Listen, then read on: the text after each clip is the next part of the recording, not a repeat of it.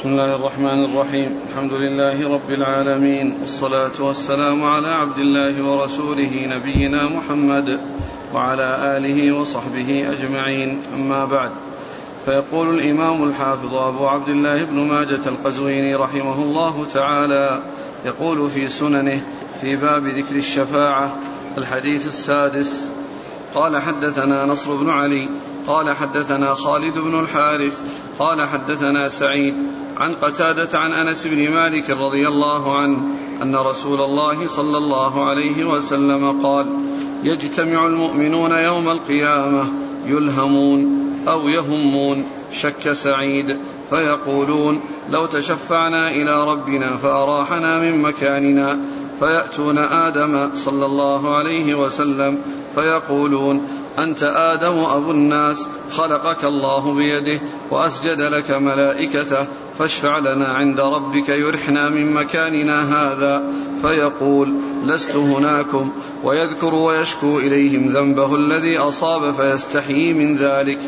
ولكن ائتوا نوحا عليه الصلاة والسلام فإنه أول رسول بعثه الله إلى أهل الأرض فيأتونه فيقول لست هناكم. ويذكر سؤاله ربه ما ليس به علم ما ليس به علم ويستحي من ذلك ولكن ائتوا خليل الرحمن. إبراهيم صلى الله عليه وسلم فيأتونه فيقول لست هناكم ولكن ائتوا موسى صلى الله عليه وسلم عبد كلمه الله وأعطاه التوراة. فيأتونه فيقول لست هناكم. ويذكر قتله النفس بغير النفس ولكن ائتوا عيسى عبد الله ورسوله وكلمة الله وروحه فيأتونه فيقول لست هناكم. ولكن ائتوا محمدا صلى الله عليه وعلى آله وسلم عبد غفر الله له ما تقدم من ذنبه وما تأخر. قال فيأتوني فأنطلق.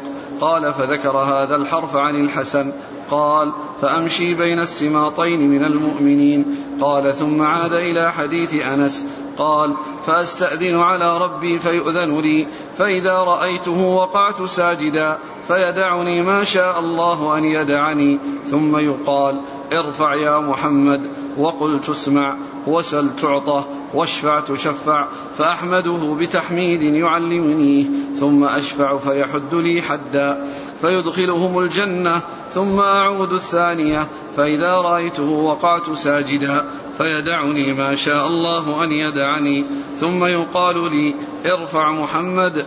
قل تسمع وسل تعطى واشفع تشفع فأرفع رأسي فأحمده بتحميد يعلمني. ثم أشفع فيحد لي, فيحد لي حدا فيدخلهم الجنة. ثم أعود الثالثة. فإذا رأيت ربي وقعت له ساجدا فيدعني ما شاء الله أن يدعني. ثم يقال ارفع محمد قل تسمع وسل تعطى واشفع تشفع فأرفع رأسي فأحمده بتحميد يعلمني. ثم أشفع فيحد لي حدا فيدخلهم الجنة. ثم أعود الرابعة فأقول يا رب ما بقي إلا من حبسه القرآن. قال يقول قتادة على أثر هذا الحديث وحدثنا أنس بن مالك أن رسول الله صلى الله عليه وسلم قال يخرج من النار من قال لا إله إلا الله وكان في قلبه مثقال شعيرة من خير ويخرج من النار من قال لا إله إلا الله وكان في قلبه مثقال بره من خير ويخرج من النار من قال لا إله إلا الله وكان في قلبه مثقال ذرة من خير. بسم الله الرحمن الرحيم. الحمد لله رب العالمين وصلى الله وسلم وبارك على عبده ورسوله نبينا محمد وعلى آله وأصحابه أجمعين. أما بعد فقد مر بعض الأحاديث المتعلقة بالشفاعة وهذا الحديث الطويل حديث أنس بن مالك رضي الله تعالى عنه. من هذه الأحاديث وهو حديث فيه آه، اجتماع الناس في موقف وكونه يموج بعضهم في بعض فيبحثون عمن يشفع لهم إلى ربهم ليخلصهم مما فيه من الشدة التي حصلت لهم في الموقف وذلك أن أنه تدنو منهم الشمس ويحصل العرق لهم على قدر أعمالهم ويبحثون عن من يشفع لهم إلى ربهم. فيأتون إلى آدم أبو البشر ويطلبون منه الشفاعة ويذكرون صفاته التي هو متصف بها كون الله خلقه بيده وأسجد له ملائكته فيعتذر عن ذلك ويشير إلى أكله من الشجرة وأنه يستحي من أن يشفع فيحيل إلى نوح عليه الصلاة والسلام فيأتون إليه ويذكرون شيئا من صفاته وأنه أول رسول أرسله الله إلى الأرض وأن الله سماه عبدا شكورا ويطلبون منه الشفاعة فيعتذر. وفي هذا أنه قيل أنه أول رسول أرسله الله إلى الأرض. ومعلوم أن قبله أن أن الناس قبله أنهم على التوحيد وأنهم على الفطرة التي فطر الله الناس عليها. والرسل التي جاءتهم هي آه، تثبتهم على هذه الفطرة وتقرر لهم هذه الفطرة ولم يوجد ولم يوجد الشرك فيهم. ولكنه وجد في يعني قوم نوح فأرسله الله عز وجل إلى أهل الأرض بعدما وجد الشرك. فتكون أوليته ليست أولية في الرسالة وأن الناس قبله لم يرسل إليهم رسل وإنما أولية بالنسبة لكون الشرك وقع في الأرض وهو أول رسول أرسل بعدما وقع الشرك في الأرض. أول رسول أرسل بعد ما وقع الشرك في الأرض. قوله آه، أن آه، في هذا الحديث أنك أول رسول أرسل أرسل أنه أول رسول أرسل أهل الأرض. قد ذكر المؤرخون أن من آباء نوح إدريس وأنه قبل نوح و ونوح وإدريس هو من الأنبياء ومن رسول الله الكرام عليهم الصلاة والسلام. لكن ما ذكر من أنه قبل نوح يعني ليس بواضح وليس هناك دليل يدل عليه.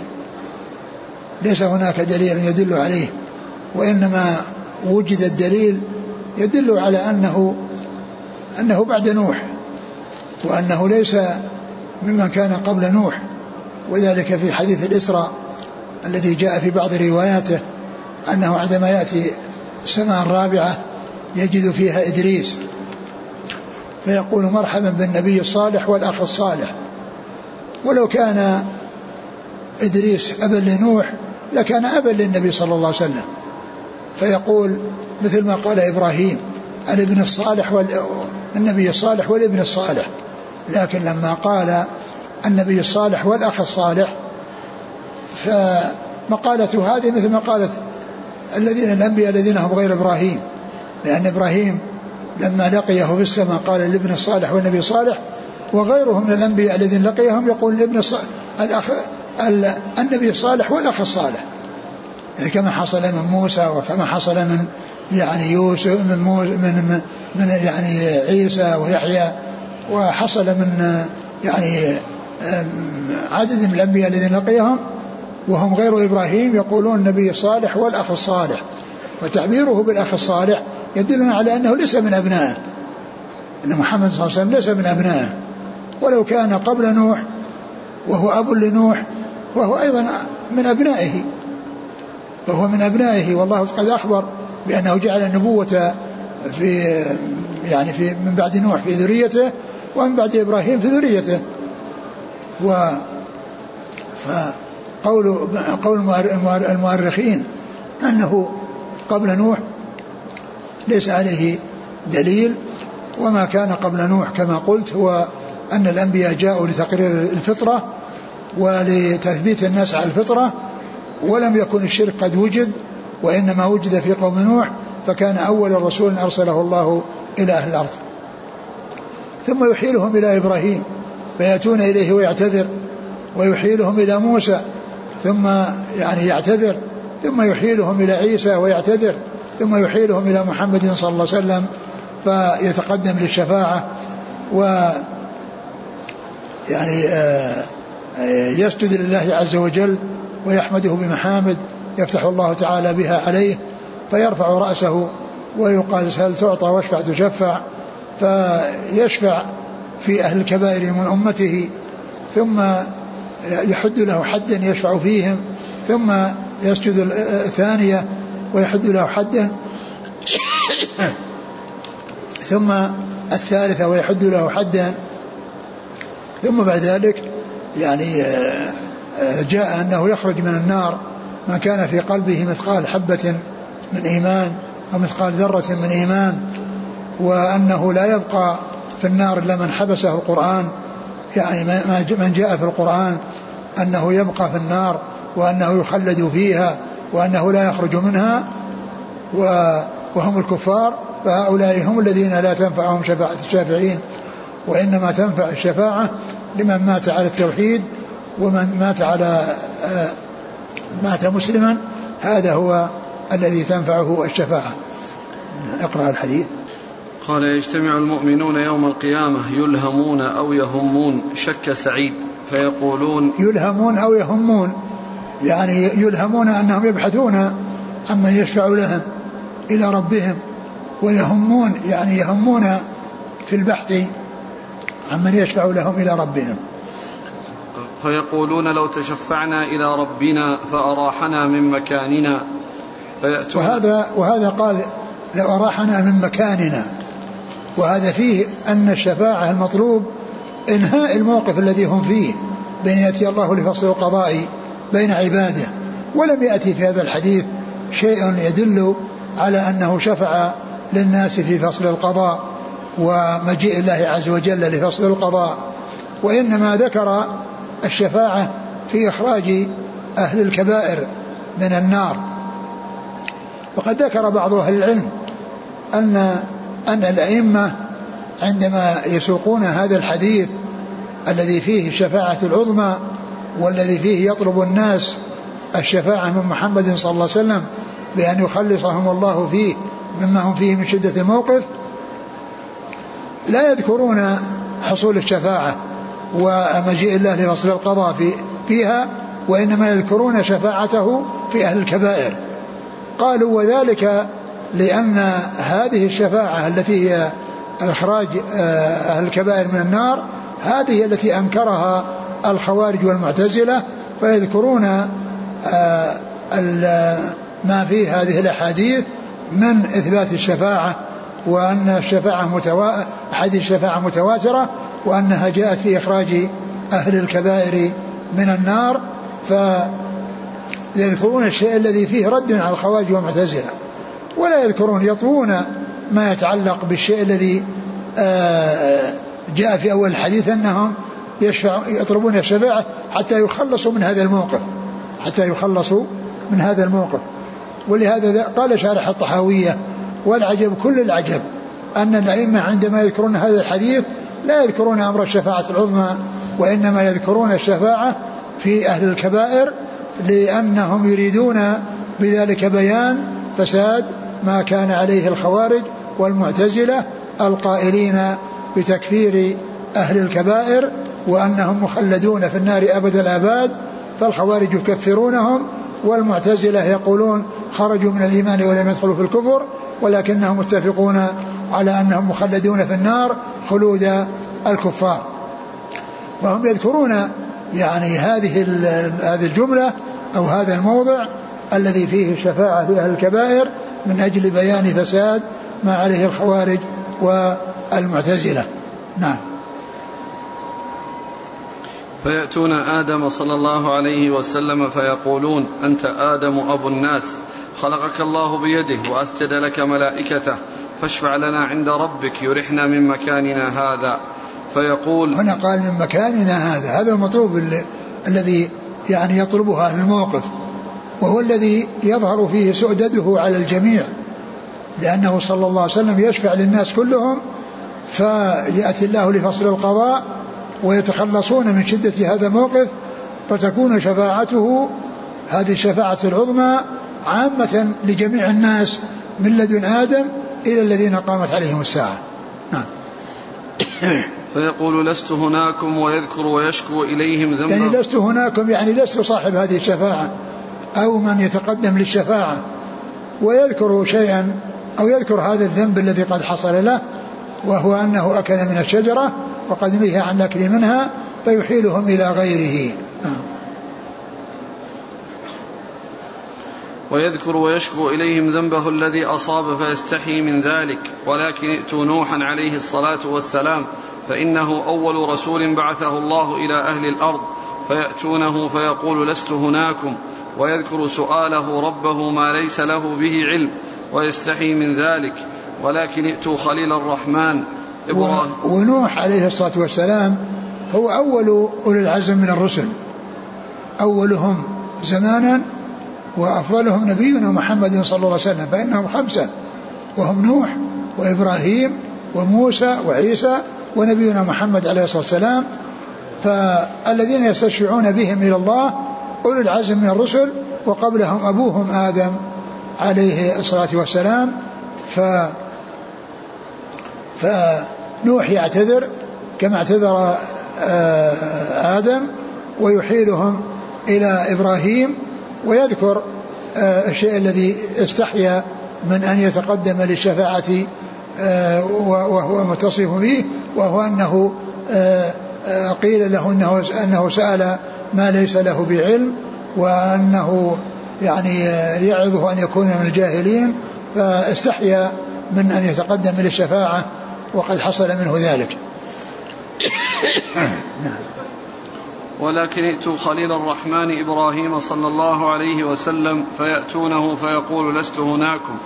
ولكن ائتوا موسى صلى الله عليه وسلم عبدا كلمه الله وأعطاه التوراة فيأتونه فيقول لست هناكم ويذكر قتله النفس بغير النفس. ولكن ائتوا عيسى عبد الله ورسوله وكلمة الله وروحه فيأتونه فيقول لست هناكم. ولكن عبد الله عبد الله ورسوله عيسى عبد الله ورسوله فهو عبد لله عز وجل وليس إلها كما تزعمه النصارى وأنه ثالث ثلاثة وأنه يعبد مع الله عز وجل وإنما هو عبد من عبيد الله والعبد لا يعبد. العبد هو يعبد ولا يعبد وإنما الذي يعبد هو الإله وهو الله سبحانه وتعالى. وأما عيسى عبد الله ورسوله الله تعالى هو الذي خلقه وهو الذي أوجده والعباد لا يعبدون وإنما العبادة لخالق العباد. ولهذا قال الله عز وجل إن الذين تدعون من دون الله عباد أمثالكم. فكيف يعقل أن إنسانا عبدا لله يعبد عبدا آخر هو مثله كان بعد أن لم يكن وأوجده الله عز وجل فالعبادة إنما هي للخالق وحده ولا تكون للمخلوق. لا تكون للمخلوق فهو عبد يعبد الله عز وجل وهو رسول أرسله الله عز وجل يصدق ولا يكذب فالعبد فالعبد لا يعبد والرسول لا يكذب. ثم قال وكلمته وروحه الكلمة يعني أنه كان أو خلق على هيئة تخالف آه الهيئة التي كان عليها خلق الناس. لأن الناس أولاد آدم خلقوا من, من, من ذكر وأنثى. وأما هو فخلق من أنثى بلا ذكر. خلق من أنثى بلا ذكر فصار خلقه يختلف عن خلق غيره فكان بكن بكلمة الله الذي قال له كن فكان وروحه أي روح من الأرواح التي آه، خلقها الله عز وجل وأودعها في آه، يعني في, في, في يعني في آه، في بني آدم فتكون لهم الحياة ب يعني يعني جعل هذا الروح فيهم فإنها تكون الحياة يعني لهم بذلك. فهو نفخ فيه يعني حملت به أمه ونفخ فيه الروح كما ينفخ في كل عبد من عباد الله عز وجل فإنه ينفخ فيه الروح بعد أن يكمل 120 يوما كما جاء ذلك في الحديث. ثم يرسل فيه الملك ويرسل إليه الملك وينفخ فيه الروح. فعيسى عليه السلام نفخ فيه الروح كما نفخ في غيره وهذه الروح من مخلوقات الله عز وجل التي يجعلها في بدن الإنسان فيكون حيا وإذا نزعت منه كان ميتا فهو عبد الله ورسوله وكلمته وروحه. نعم. ولكنتم محمدا صلى الله عليه وسلم عبدا غفر الله له ما تقدم من ذنبه وما تأخر. قال فيأتوني فأنطلق قال فذكر هذا الحرف عن الحسن. ذكر هذا الحرف الذي سيأتي وهو أنه يمشي بين الصماطين. يعني هذا عن الحسن وليس يعني من رواية هذا الحديث الذي فيه من رواية قتادة عن أنس وإنما هو من رواية الحسن وإنما هو من رواية الحسن يعني هذه الزيادة يعني التي هي فأمشي بين الصماطين هذه ليست من هذا الإسناد الذي ساقه في الأول. نعم. والمراد بالسماطين الصفين. نعم. فأمشي بين السماطين من المؤمنين قال ثم عاد إلى حديث أنس قال فأستأذن على ربي فيؤذن لي. فإذا رأيته وقعت ساجدا فيدعني ما شاء الله أن يدع أن يدعني. ثم يقال ارفع يا محمد وقل تسمع وسل تعطى واشفع تشفع فأحمده بتحميد يعلمنيه ثم أشفع فيحد لي حدا فيدخلهم الجنة. يعني هذا غير يعني غير الذي طلبه الناس يعني حيث قالوا خلصنا من موقفنا هذا. لأن في الأول الشفاعة من يخلصهم موقفهم هذا. وهذا فيه أنه يحد الحد يخرجهم من النار. من الكبائر يخرجون من النار ويدخلون الجنة. وكما قلت يعني أن العلماء كما ذكر شارح الطحوية أن العلماء يذكرون هذا المقطع من أجل بيان فساد ما عليه أهل ما عليه الخوارج والمعتزلة الذين يقولون بأن أصحاب الكبائر يخلدون في النار وأنهم لا تنفعهم شفاعة الشافعين كشأن الكفار الذين لا تنفعهم شفاعة الشافعين. وهذا ليس هو الذي طلبه أهل الموقف. وإنما طلبوا أن يخلصوا مما هم فيه بأن يأتي الله لفصل القضاء ثم يذهب أهل الجنة إلى الجنة وأهل النار إلى النار. نعم. ثم ذكر بعد هذا يعني أنه كرر ذلك وأنه كل مرة يحد الحد وأنه يشفع فيهم ويخرجون من النار وبعد ذلك يقول إنه لا يبقى في النار يعني آه، أحد في قلبه مثقال ذرة من إيمان. أو حبة من إيمان. نعم. الإسناد. الثاني اللي بعده. نعم. حدثنا قال قال قتادة على أثر هذا الحديث. نعم. وحدثنا أنس أن الرسول صلى الله عليه وسلم قال يخرج من النار من قال لا إله إلا الله وكان في قلبه مثقال شعيرة من خير ويخرج من النار من قال لا إله إلا الله وكان في قلبه مثقال برة من خير. ويخرج من النار من قال إلا الله وكان في قلبه مثقال ذرة من خير. هذا في بيان أن كل من دخل النار من أهل التوحيد وأهل الإيمان فإنه لا بد وأن يخرج منها ويدخل الجنة ولا يبقى في النار أبد الآباد إلا الكفار الذين هم أهلها. فمن الناس من يخرجون من النار بشفاعة الشافعين ومنهم من يخرج برحمة أرحم الراحمين سبحانه وتعالى ولا يبقى في النار أبد الآباد إلا الكفار الذين لا سبيل لهم إلى الخروج منها. قال حدثنا نصر بن علي. الجهضمي ثقة أخرج أصحاب الكتب وهو شيخ لأصحاب الكتب. عن خالد بن الحارث. وهو ثقة أخرج أصحاب الكتب. عن سعيد عن قتادة. سعيد بن أبي عروبة ثقة أخرج أصحاب الكتب. وقتادة بن دعامة ثقة أخرج أصحاب الكتب. عن أنس. عن أنس مالك رضي الله عنه خادم الرسول صلى الله عليه وسلم وأحد السبع المكثرين من حديثه. في آخره قال ما بقي إلا من حبسه القرآن. حبسه القرآن يعني يبدو أن معناه الذين لا سبيل لهم إلى الخروج من النار وهم الكفار الذين جاء في ذكرهم في القرآن أنهم يعني أن الله حرم عليهم الجنة وأن مأواهم النار. قال حدثنا سعيد بن مروان قال حدثنا أحمد بن يونس قال حدثنا عنبسة بن عبد الرحمن عن علاق بن أبي مسلم عن أبان بن عثمان عن عثمان بن عفان رضي الله عنه أنه قال قال رسول الله صلى الله عليه وسلم يشفع يوم القيامة ثلاثة الأنبياء ثم العلماء ثم الشهداء. ثم ذكر هذا الحديث عن عثمان رضي الله عنه أنه قال يشفع يوم القيامة ثلاثة الأنبياء ثم العلماء ثم الشهداء.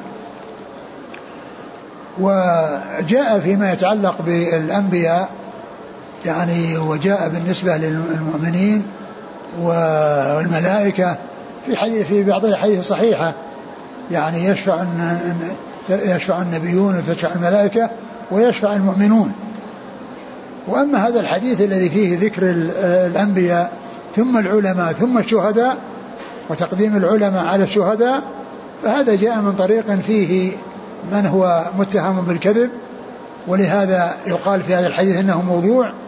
وأيضا بالإضافة إليه من هو أيضا ضعيف ففيه من هو متهم ومن هو ضعيف والحديث يعني غير صحيح ولكن شفاعة الأنبياء وشفاعة الملائكة وشفاعة المؤمنون ثابتة عن رسول الله صلى الله عليه وسلم.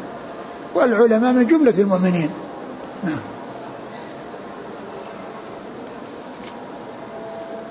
قال حدثنا سعيد بن مروان.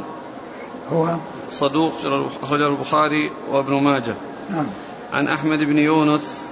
وهو ثقة أخرج أصحاب الكتب. عن عنبسة بن عبد الرحمن. أحمد بن عبد الله بن يونس هذا هو الذي قال عنه الإمام أحمد شيخ الإسلام. قال عنه الإمام أحمد شيخ الإسلام. نعم. عن عنبسة بن عبد الرحمن. متروك وهو متهم أخرج له. الترمذي وابن ماجه. نعم. عن علاق بن أبي مسلم. وهو ضعيف ومجهول. مجهول. نعم. أخرج له ابن ماجه. نعم. عن أبان بن عثمان. وهو ثقة أخرج أصحاب الكتب. قال المفرد. نعم. أبان. في المفرد ومسلم وأصحاب السنة. نعم. عن عثمان عن بن عثمان رضي الله عنه أمير المؤمنين وثالث الخلفاء الراشدين الهادي المهديين صاحب المناقب الجمة والفضائل الكثيرة وحديثه عند أصحاب الكتب الستة. قال حدثنا إسماعيل بن عبد الله الرقي قال حدثنا عبيد الله بن عمرو عن عبد الله بن محمد بن عقيل عن الطفيل بن أبي بن كعب عن أبيه رضي الله عنه أن رسول الله صلى الله عليه وعلى آله وسلم قال إذا كان يوم القيامة كنت إمام النبيين وخطيبهم وصاحب شفاعتهم غير فخر. ثم ذكر هذا الحديث عن أبي بن كعب. أن النبي صلى الله عليه وسلم قال إذا كان يوم القيامة كنت إمامهم وخطيبهم وصاحب شفاعتهم ولا فخر. يعني أنه صلى الله عليه وسلم هو إمام الأنبياء وهو مقدمهم وهو الذي يتقدم في الشفاعة على غيره و, و وقال ولا فخر يعني أنه بين عليه الصلاة والسلام هذه المنزلة العظيمة له عند الله عز وجل وذلك ليعلم قدره ولتعلم منزلته صلى الله عليه وسلم فيعتقد فيه ما يستحقه عليه الصلاة والسلام. وذلك أن الرسول عليه الصلاة والسلام ليس بعده نبي حتى يبين قدره وعظيم منزلته وهو آخر الأنبياء عليه الصلاة والسلام. والرسول صلى الله عليه وسلم بين فضائل الأنبياء السابقين لأنه جاء بعدهم وأما هو فليس بعده أحد حتى يبين قدره وفضله. ولهذا هو بين عليه الصلاة والسلام ما يتعلق به وما يتعلق بغيره. حتى يعتقد الناس ما يعني ما ما هو أهله وما هو متصف به وما هو أهله عليه الصلاة والسلام لأنه لا نبي بعده يخبر الناس بعظيم منزلته فلهذا بين ذلك وأضاف بقوله ولا فخر أي أنه قال ذلك ليس مفتخرا وإنما قال ذلك مبينا عظيم منزلته ليعتقد الناس ذلك لأنه لا نبي بعده يخبر الناس بحاله وبمنزلته وبفضله وهو الذي بين ما يتعلق به وبغيره. صلوات الله وسلامه وبركاته عليه. وأيضا الشفاعة التي هي عامة والتي هي المقام المحمود الذي يحمد عليه الأولون والآخرون فهو صاحب شفاعتهم. نعم. قال حدثنا إسماعيل بن عبد الله الرقي هو صدوق ابن ماجه. نعم. عن عبيد الله بن عمرو. وهو الراقي ثقة أخرج أصحاب الكتب. عن عبد الله بن محمد بن عقيل. وهو صدوق أخرج له. قال في المفرد أبو داود الترمذي وابن ماجه. نعم. عن الطفيل بن أبي بن وهو كعب. وهو ثقة أخرج أبو خالد المفرد الترمذي وابن ماجه. نعم. عن أبيه. أبي بن كعب رضي الله عنه أخرج أصحاب الكتب.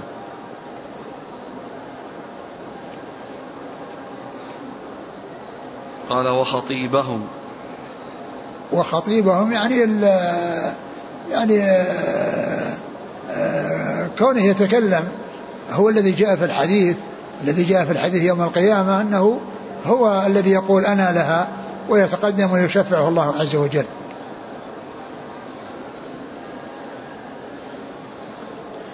قال حدثنا محمد بن بشار قال حدثنا يحيى بن سعيد قال حدثنا الحسين بن ذكوان عن أبي رجاء العطاردي عن عمران بن الحسين رضي الله عنهما عن النبي صلى الله عليه وسلم أنه قال ليخرجن قوم من النار بشفاعتي يسمون الجهنميين.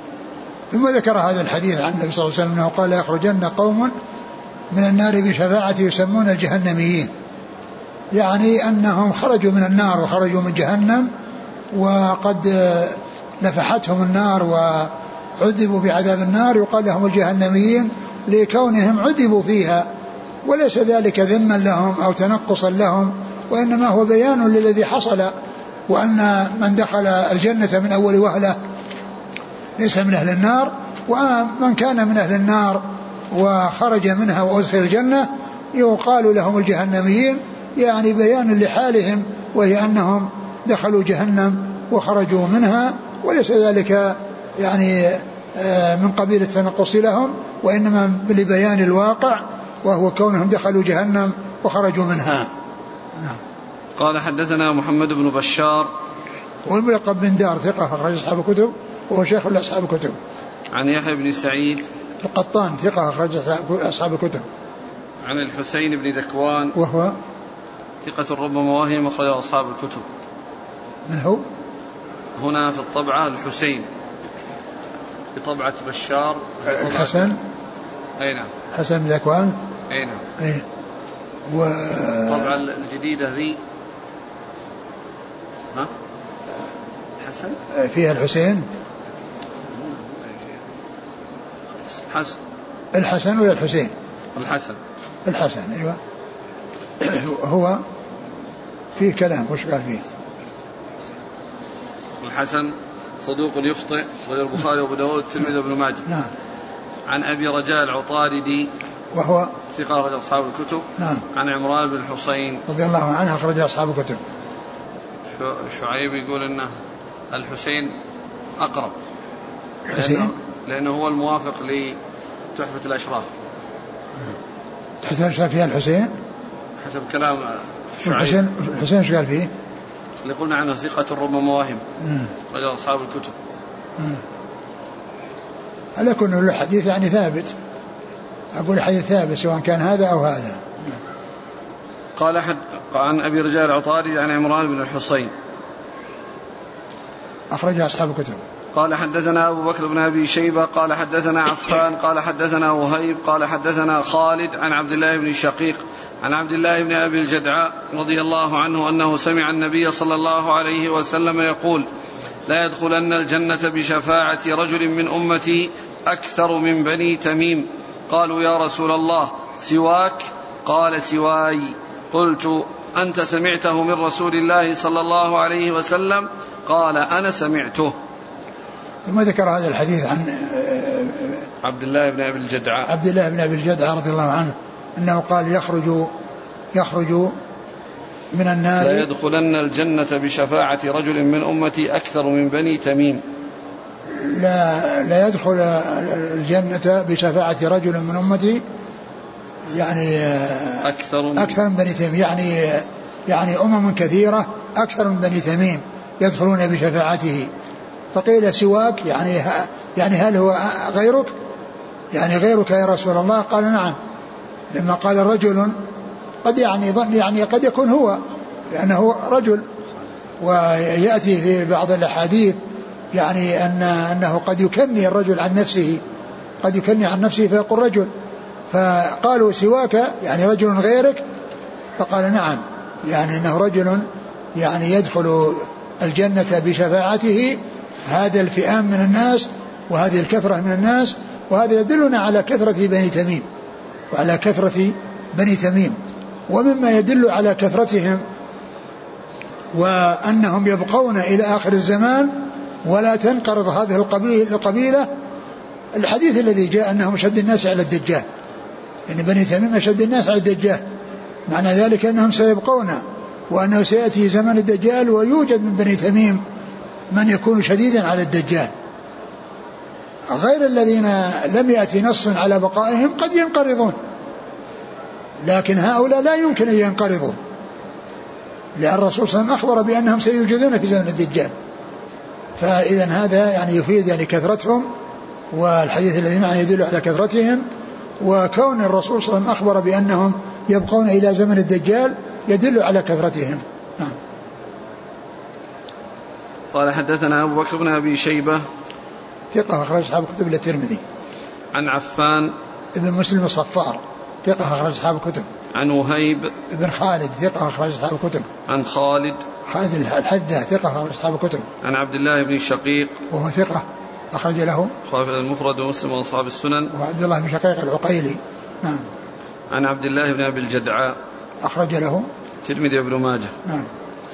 قال حدثنا هشام بن عمار قال حدثنا صدقة بن خالد قال حدثنا ابن جابر قال سمعت سليم بن عامر يقول سمعت عوف بن مالك الأشجعي رضي الله عنه يقول قال رسول الله صلى الله عليه وعلى آله وسلم أتدرون ما خيرني ربي الليلة؟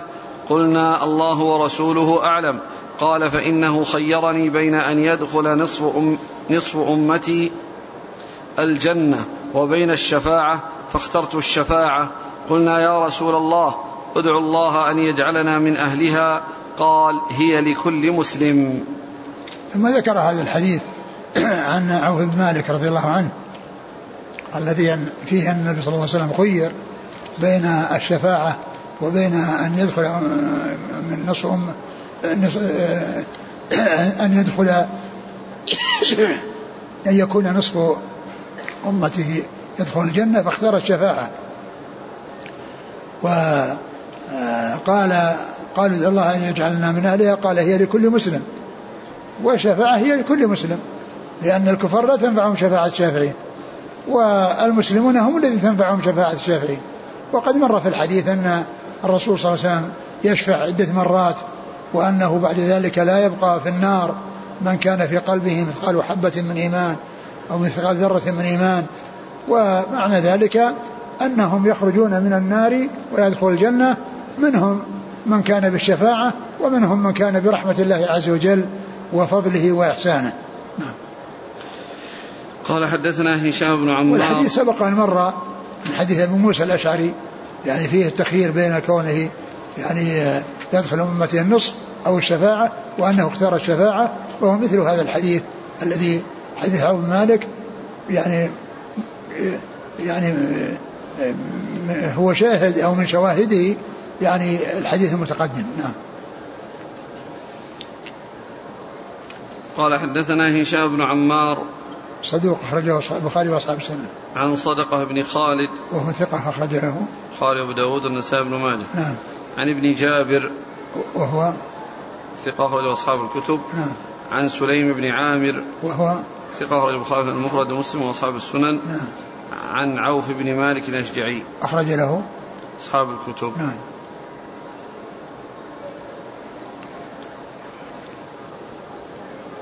تنبيه على الطلاب. المطلوب من الإخوان الذين لا يأخذون مساعدات وسبق أن قدمت أسماءهم لكونهم يأخذون الكتب المطلوب منهم مراجعة الأخ عبد الحكيم يعني اليوم ويعني قبل يوم السبت.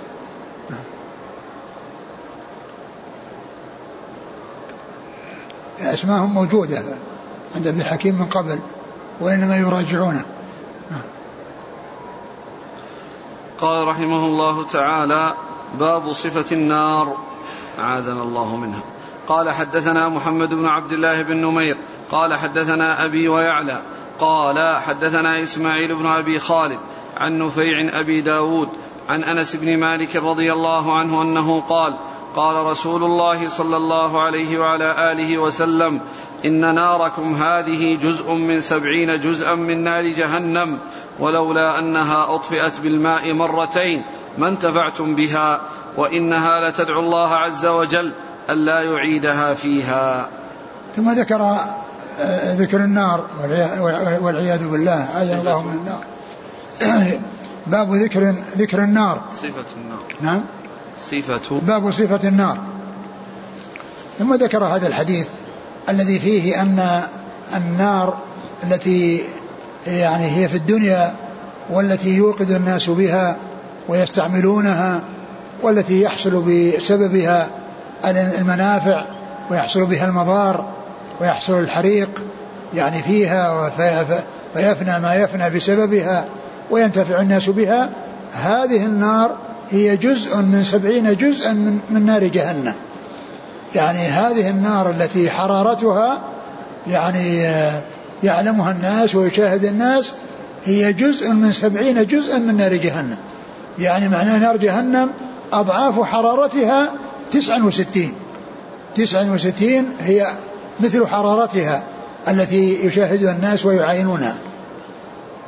فهي جزء من من تسع من يعني آه، آه، من تسعة و جزء من سبعين جزءا من نار جهنم وفضلت نار جهنم عليها أو زيدت عليها في الحرارة أضعافها حتى صارت يعني تزيد عليها تسعة وستين. تزيد عليها تسعة وستين يعني جزءا فتكون حرارتها بهذا الوصف والعياذ بالله. قال وإنها أطفئت. إيش؟ إن ناركم هذه جزء من سبعين جزءا من نار جهنم ولولا أنها أطفئت بالماء مرتين ما انتفعتم بها. ولولا أنها أطفئت بالماء مرتين وفي بعض الروايات سبع مرات ما انتفعتم بها؟ يعني معناها أنها خففت حرارتها مع ما هي عليه الذي أنتم عليه شاهدونها أيضا خففت حرارتها.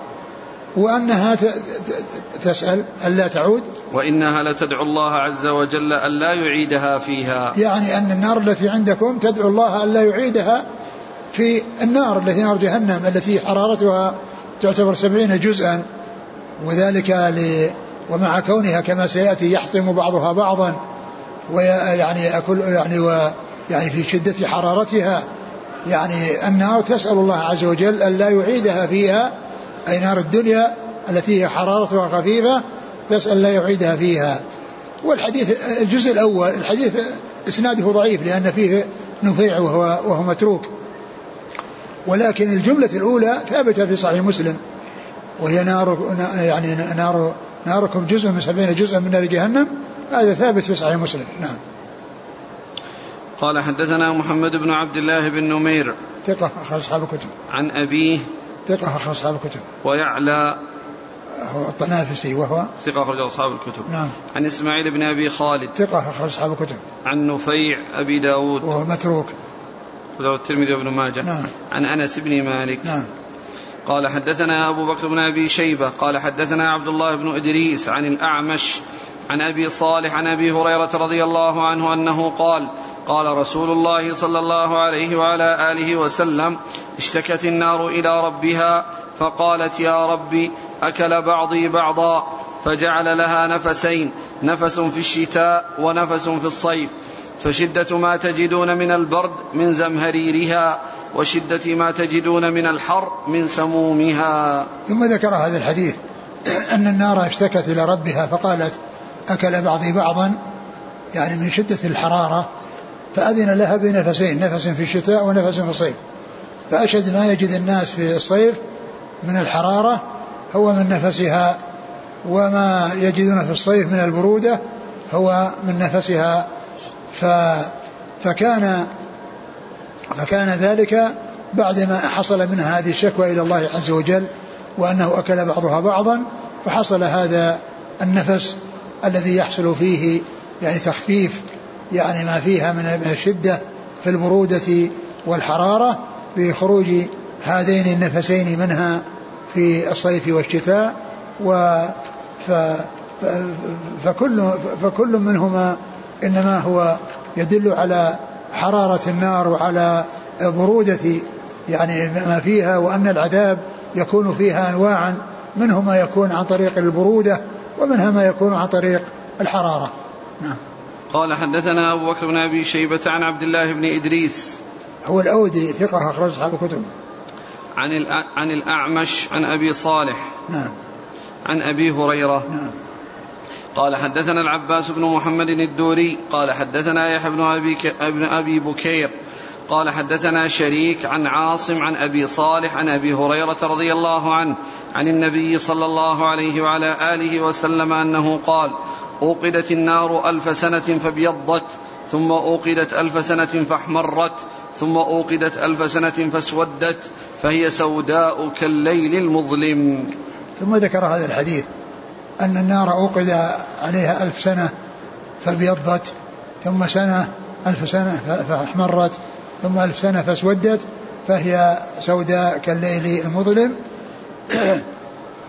وهذا في صفة النار ولكن الحديث غير صحيح لأنه من رواية شريك وهذا مما انفرد به ولم يتابع عليه فلا يعتبر آه، صحيحا ثابتا عن رسول الله صلى الله عليه وسلم. قال حدثنا العباس بن محمد الدوري. هو. ثقة أخرج أصحاب السنن. نعم. عن يحيى بن أبي بكير. وهو. ثقة أخرج أصحاب الكتب. نعم. عن شريك. وهو صدوق اختلط. أخرج حديث البخاري تعليقا وسمع أصحاب السنن. عن عاصم. وهو. ابن أبي النجود. وهو صدوق أخرج أصحاب الكتب. وروايته في الصحيحين مقرون. عن أبي صالح. عن أبي هريرة. نعم. قال حدثنا الخليل بن عمرو. قال حدثنا محمد بن سلمة الحراني عن محمد بن إسحاق عن حميد الطويل عن أنس بن مالك رضي الله عنه أنه قال قال رسول الله صلى الله عليه وعلى آله وسلم يؤتى يوم القيامة بأنعم أهل الدنيا من الكفار فيقال اغمسوه في النار غمسة. فيغمس فيها ثم يقال له أي فلان هل أصابك نعيم قط؟ فيقول لا. ما اصابني نعيم قط ويؤتى بأشد المؤمنين ضرا وبلاء فيقال اغمسوه غمسة, غمسة في الجنة فيغمس فيها غمسة فيقال له أي فلان هل أصابك ضر قط أو بلاء؟ فيقول ما أصابني قط ضر ولا بلاء. وهذا يبين هذا الحديث يبين شدة عذاب النار ويعني عظم شأن نعيم الجنة وأن نعيم الجنة عظيم ينسي كل بلاء وكل ما حصل في الدنيا من الأتعاب والأشياء المنغصة فإنه ينساها من يدخل الجنة. وكذلك من كان منعما في الدنيا من الكفار في نعيم وفي متع ولذات فإنه إذا غمس في النار غمسة ينسى ذلك النعيم الذي حصل له في الدنيا. وقد ثبت في صحيح مسلم وهو أول حديث عند مسلم في كتاب, في كتاب الزهد الدنيا سجن المؤمن وجنة الكافر. فهذا الذي هو في جنة الدنيا وهي نصيبه من الجنة ونصيبه المتع يعني آه، طول حياته وهو منعم متنعم لو إذا غمس في النار غمسة يقال هل مرك بك خير؟ فيقول أبدا. نسي كل ما حصل كل ما حصل من النعيم نسيه بهذه الغمسة. التي أنسته وأذهلته عن كل شيء مر به. الدنيا سجن المؤمن وجنة الكافر. فهذا الذي طول حياته منعم. إذا غمس في النار غمسة وسئل هل مر بك نعيم؟ يقول ما مر به نعيم أبدا. هذا العذاب الذي حصل له في هذه اللحظة أو في هذه الساعة أو في هذه المدة اليسيرة نسي كل ما حصل له من نعيم والعياذ بالله. وعلى عكس من ذلك من كان في الدنيا في نغ... في في تعب وفي نصب وفي آلام وأسقام وأمراض ويعني نكد ونصب يعني إذا غمس في النار إذا غمس في في الجنة إذا غمس في الجنة غمسة فيقال هل مر بك بؤس؟ فيقول ما مر بي بؤس أبدا. نسي كل الذي حصل له. من مما هو فيه من السجن الذي هو الذي هو في الدنيا من الأتعاب والأنصار والنصب والمشقة ينسيه كل ذلك. وهذا يدلنا على عظم نعيم الجنة وأنه آه، ينسي كل آه، بلاء وشر حصل الإنسان وعظم عذاب النار وأنه ينسي كل نعيم حصل للإنسان. وقد مر في بعض الأحاديث أن آه، وأنه بهذا الفعل يعني يزداد الكافر يزداد حسرة يزداد حسرة والمؤمن يزداد يعني حبورا ويزداد آه، آه، فرحا وسرورا بما خلصه الله به من النار. وقد سبق أن مر بنا أنه يفتح للإنسان وهو في قبره باب إلى النار إذا كان مؤمنا فيقال انظر إلى هذا المكان الذي خلصك الله منه والذي سلمك الله منه ثم يفتح له باب إلى الجنة فيزداد فرحا إلى فرحه. لأنه رأى العذاب ورأى النار ثم رأى الجنة وأن هذا مكانه الذي يكون يستقر فيه فيزداد فرحا إلى فرح وأما الكافر فإنه يفتح له باب إلى الجنة ويرى ما فيها من النعيم ثم يفتح له باب النار ويقال هذا مكانك وهذا نصيبك فيزداد حسرة لأنه رأى النعيم الذي حرم منه ولم يحصل له بسبب كفره بالله سبحانه وتعالى. نعم. قال حدثنا الخليل بن عمرو. الخليل بن عمرو هو؟ صدوق ابن ماجه. نعم. عن محمد بن سلمة الحراني. وهو ثقة؟ رجل البخاري في القراءة ومسلم وأصحاب السنن. نعم. عن محمد بن إسحاق. وهو صدوق أخرجه البخاري تعليقا ومسلم وأصحاب السنن عن حميد الطويل. حميد بن أبي حميد الطويل ثقة أخرج أصحاب الكتب. عن أنس بن مالك. رضي الله عنه وهذا فيه عن أنس بن إسحاق ولكنه جاء من طريق أخرى وهو في صحيح مسلم. يعني من, من غير هذا الطريق فهو ثابت عن رسول الله صلوات الله وسلامه وبركاته عليه. والله تعالى أعلم وصلى الله وسلم وبارك على عبده ورسوله نبينا محمد وعلى آله وأصحابه أجمعين. جزاكم الله خيرا وبارك الله فيكم. ألهمكم الله الصواب ووفقكم للحق. نفعنا الله ما سمعنا وغفر الله لنا ولكم وللمسلمين أجمعين. آمين. يقول آه، كيف تكون البرودة في الشتاء من نار جهنم؟ لأنه هو الزمهرير الذي قد ما تجده في الشتاء من الزمهرير. والعذاب يكون في البرودة ويكون في الحرارة.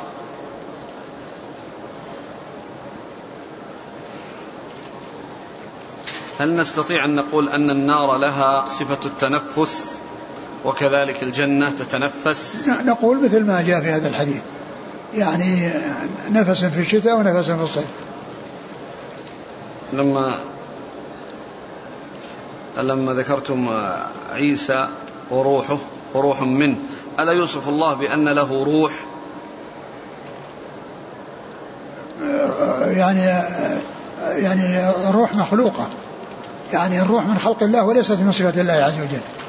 ليس من صفات الله الروح. ما جاء شيء يدل على أن من صفاته الروح. ولكن جاء ما يدل على أن من مخلوقاته الروح. فهي إضافة مخلوق إلى خالق وليست إضافة الصفة إلى موصوف.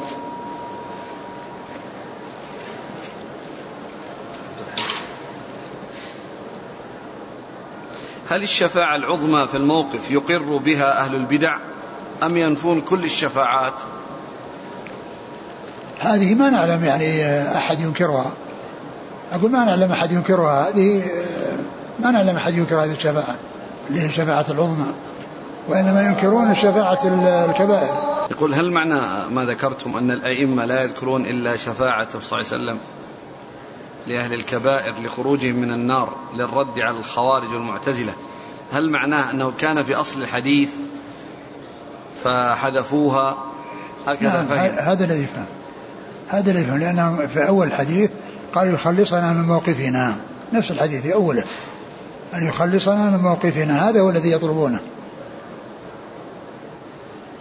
لكن يعني حذف من الحديث؟ إيه اختصارا. اختصروه وجاءوا بالشيء الذي يعني يهمهم كثيرا وهو إنكار الخوارج والمعتزلة يعني هذا النوع من الشفاعة فهم يعني يستدلون عليهم بذلك. ما معنى أولي العزم؟ أولي العزم يعني الذين يعني مفضلون على غيرهم وأنهم يعني لهم منزلة يعني تخصهم وهم متقدمون على غيرهم. يقول هل من يصل رحمه ليبسط له في رزقه وينسأ له في عمره؟ ممن يدخل في ممن يريد الدنيا بعمل الآخرة الإنسان يعني يريد على الإنسان أنه يريد الاثنين. يعني يعمل هذا العمل من أجل أنه يحصل هذا وقبل ذلك أن يحصل. ولا ينبغي الإنسان أن يكون همه الدنيا وأن يكون يعني غافلا عن الآخرة لكنه إذا يعني هذا جمع بين يعني نيتين وبين يعني شيئين كل منهما يعني صحيح وكل منهما الجمع بينهما سائغ لكن كون الإنسان يعني يغفل عن الآخرة ولا يهمه إلا الدنيا لا شك أنه يعني على خطر.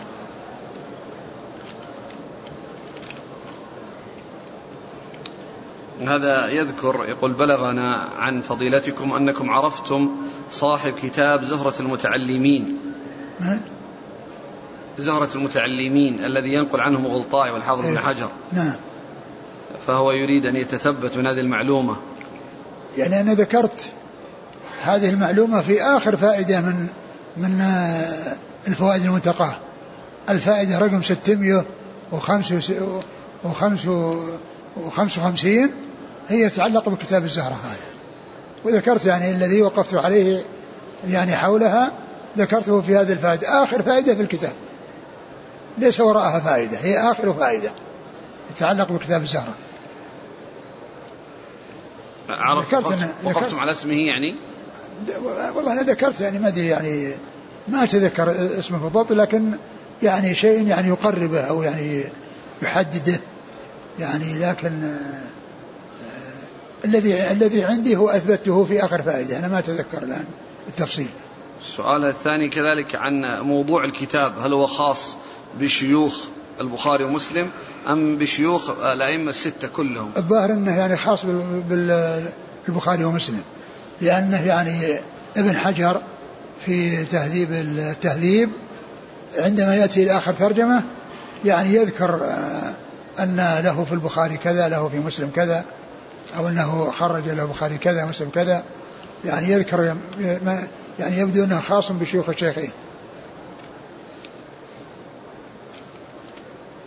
يذكر في كثير من التراجم في تهذيب التهذيب يعني في الزوائد التي يزيدها ابن حجر لأن ابن حجر ينقل كلام المزي في تهذيب الكمال ويختصره اختصار ثم يأتي بكلمة قلت ما بعد قلت هذا من زيادة بن حجر على المزي. وهو يأتي بها في الغالب في آخر آخر التراجم في كلامه هو حيث يقول وفي كتاب الزهرة آه، له في البخاري كذا له في مسلم كذا.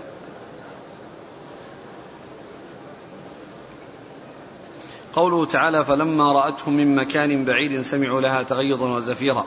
هل يثبت من هذا أن للنار عينين استنادا لهذه الآية؟ الله على كل شيء قدير.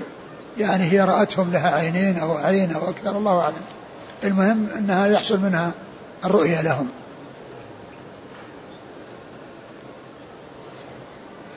كلمة الجهنميين يقول هل يجوز هذا اللقب؟